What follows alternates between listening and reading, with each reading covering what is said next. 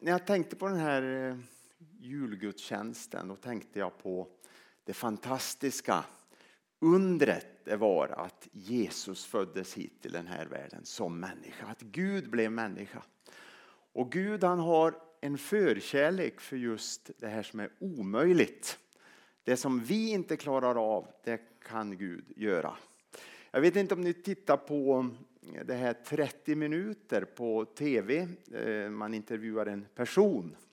Och då var det ärkebiskopen eh, Martin Modéus som var med. Var det någon som såg det? Ingen? Nej, jag såg det i efterhand, jag såg inte det direkt. Men eh, det var frågor som var rätt så brännande sådär. Han ställdes verkligen mot väggen.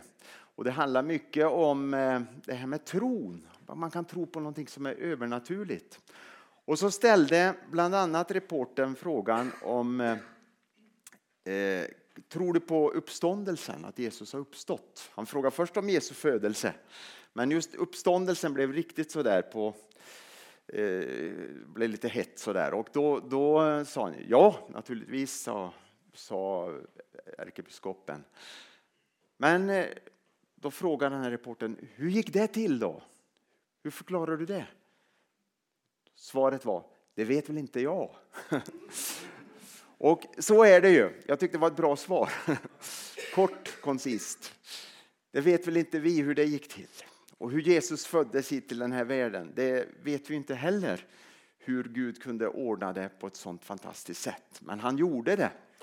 Och det är mycket som vi kan läsa i Bibeln som man inte kan förklara.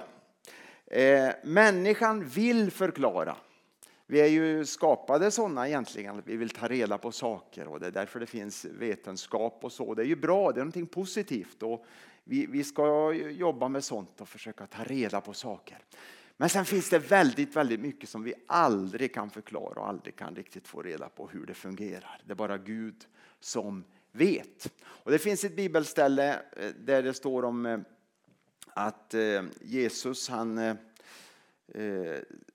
ber Gud att, att, att tala eller bekräfta en sak och så, så hörs det en röst från himlen och det lät som åskan står det. Och människorna sa att det var åskan.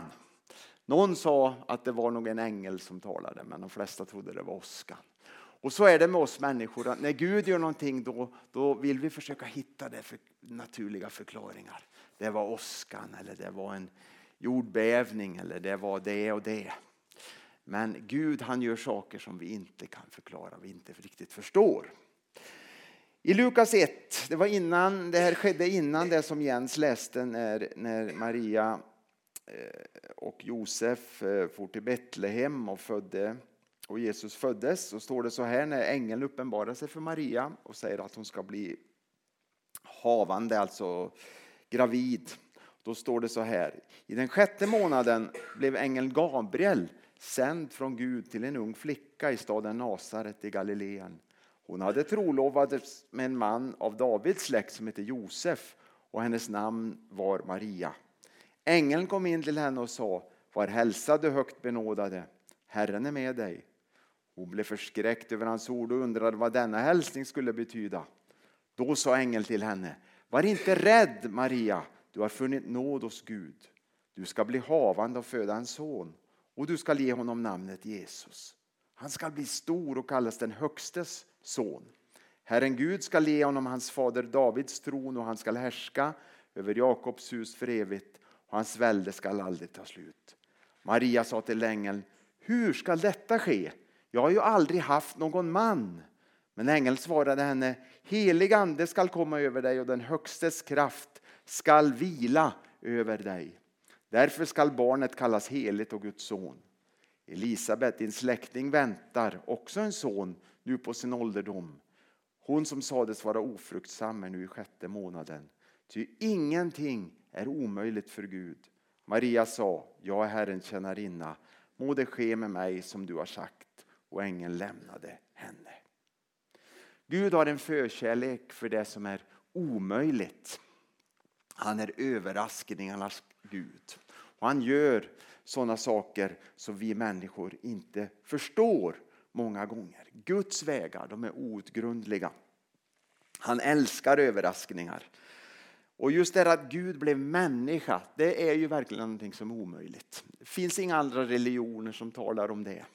Utan det är väldigt unikt för den kristna tron att Gud blev människa i Jesus Kristus. Det är något helt, helt annorlunda, något helt unikt. Och han kom in i den här världen, han föddes som en liten bebis. Och jag brukar fundera lite grann på, på släkttavlan. Gillar du att läsa släkttavlor i Bibeln? Ingen? Eh, jag är väl lite sådär, inte alltid, men ibland är det intressant. Om man är liksom på, på hugget lite, inte för trött på kvällen, då kan det vara väldigt intressant med en släkttavla. Och eh, den mest intressanta, i alla fall en av de mest intressanta släkttavlorna, det är faktiskt den som står i Matteus. Vi ska inte läsa den här, men jag bara nämner det att där står det uppräknat Jesu släkttavla bak i tiden. Han var ju av Davids ett, så att säga, Judas stam och så står det uppräknat eh, vilka som var hans förfäder. Och det är så intressant när man läser där och ser vad är det för personer som finns med i släkttavlan. En del är ju stora män och kvinnor, fantastiska människor. Men flera har ett väldigt skamfilat rykte. Jag, jag eh, läste någon gång, eller räknade ut någon gång att sju kungar som står uppräknade där i släkttavlan var sådana som gjorde det som var ont, alltså ondskefulla kungar. Brutala kungar, mördare som finns med i släkttavlan. Och det, det, Bibeln döljer inte det utan den är väldigt öppen med sånt. Och sen är det fyra kvinnor som finns med i släkttavlan, alla med ganska skamfilat rykte faktiskt. Eh, och att just att kvinnorna nämns så och sen också nämns eh, till exempel att det var en som var en hedning, hon var inte jude. Eh, skulle absolut inte normalt få vara med i en släkttavla. Jag tänker på Rut. En kvinna var prostituerad som står omnämnd. En var en äktenskapsbryterska, Batseba, som en del av er vet, eh, som eh, David eh, Eh, fick Salomo tillsammans med. Och sen var det också Maria som var en ogift kvinna som blev mamma till Jesus. De står omnämnda i släkttavlan. Så det är väldigt sådär mänskligt allting, vanligt allting. Det är inte förskönat på något sätt utan Jesus han blev en människa som du och jag. Gud blev människa och föddes in i den här världen. Och Många tänker att Gud kan inte beblanda sig på det sättet, men det kunde han. Han föddes hit till den här världen genom Jesus Kristus. Och Maria, hon blev mor som vi läste här. Och så läste vi att ingenting är omöjligt för Gud. Hon lyssnade till ängelns budskap. Hon ifrågasatte att hon var lämplig att bli mor till Jesusbarnet eller mor till Messias. Men hon svarade ja. Och så fick hon det stora uppdraget att bära Jesusbarnet och föda honom till den här världen. Och Det visar att Gud kan göra precis vad som helst genom en människa som har ett öppet hjärta och ett öppet sinne för honom. Säger vi ja när Gud kallar oss till någonting, då kan han göra vad som helst genom oss. Och det står också i den texten vi läste att helig ande, säger ängeln till Maria, skall komma över dig och den högstes kraft ska vila över dig.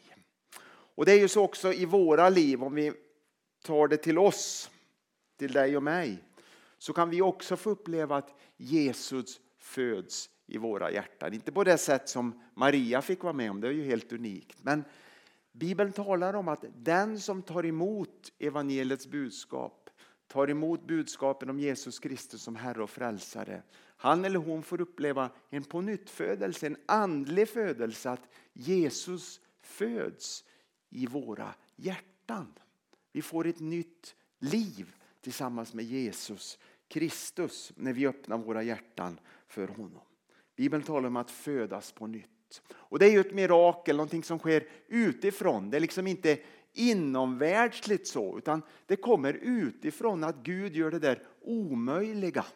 Han förvandlar en människa. Han kan förvandla dig och mig och göra oss till en ny skapelse, säger Bibeln, i Jesus Kristus. Vi kan födas på nytt och lära känna Gud och få en relation till honom genom tron på Jesus Kristus. Jesus vill födas i ditt hjärta och han vill födas i mitt hjärta. Han vill leva och bo här inne. Det är liksom julens budskap.